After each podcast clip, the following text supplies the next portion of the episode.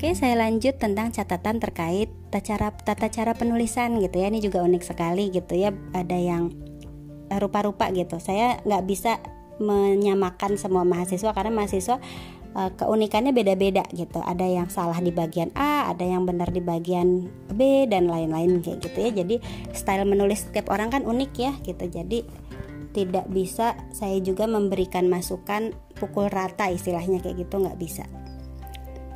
Nah, di sini saya hanya merangkum yang umum terjadi. Jadi jika teman-teman merasa saya sudah tidak bermasalah di bagian itu ya silahkan diabaikan.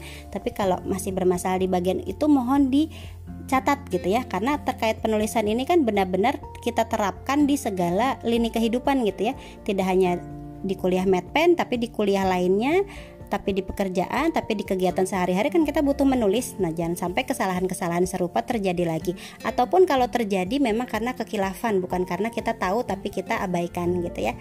Karena sekali lagi menulis yang baik, menulis yang beralur itu butuh latihan. Dan kenapa itu harus? Karena itu karena fondasi semua hal itu tulisan. Pekerjaan apa sih yang tidak butuh menulis? Tidak ada gitu.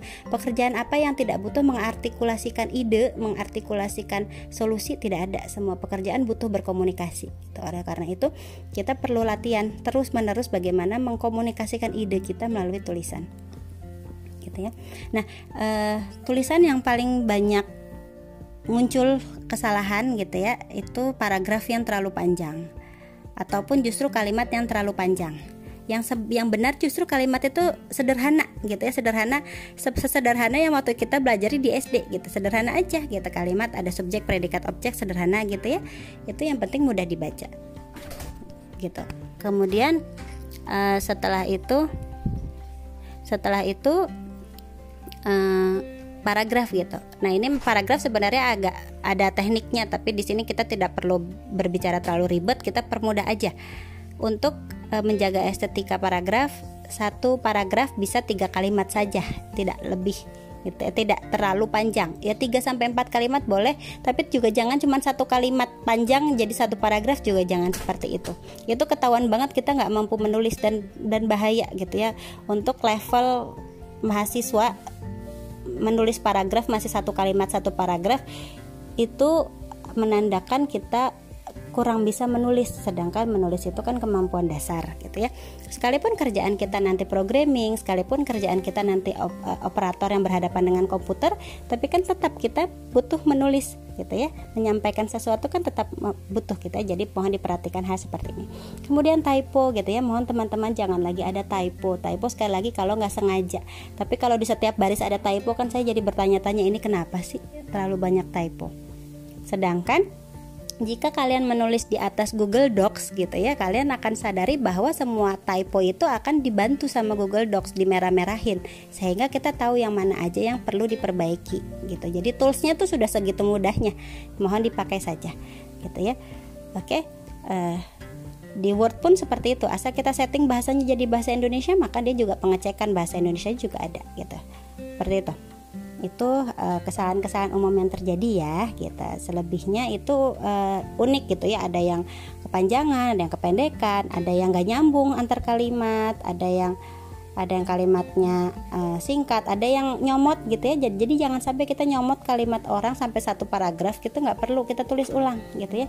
Karena itu masuknya plagiarisme walaupun itu referensi kita bu itu untuk memperkuat akar masalah. Iya boleh tapi tuliskan pakai kata-kata sendiri. Diubah-ubah sedikit lah.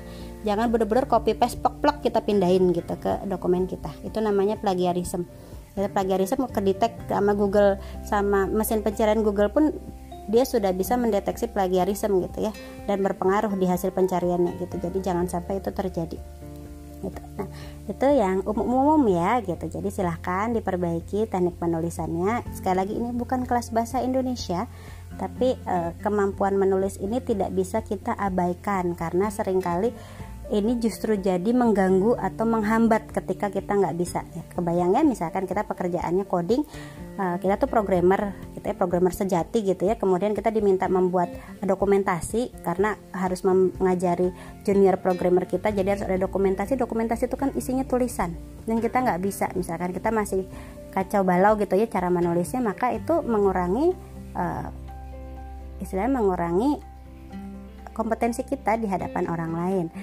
tulisan juga akan tertuang di email resmi. Tulisan juga akan tertuang di komunikasi resmi ya walaupun via WhatsApp gitu ya. Jadi uh, silahkan dilatih dalam berbagai kesempatan gitu ya pelan-pelan gitu. Nggak apa-apa karena sekali lagi tidak instan tapi perlu dilakukan bertahun-tahun berproses dan kita gunakan tahun-tahun yang kita uh, punya kita nabung nih ya gitu. Selama kuliah ini sebelum kita nanti bisa ke uh, masyarakat gitu. Oke, okay? uh, eh, terima kasih. Uh, saya tutup dulu untuk bagian penulisan. Nanti ada satu sesi lagi pada rekaman berikutnya. Wassalamualaikum warahmatullahi wabarakatuh.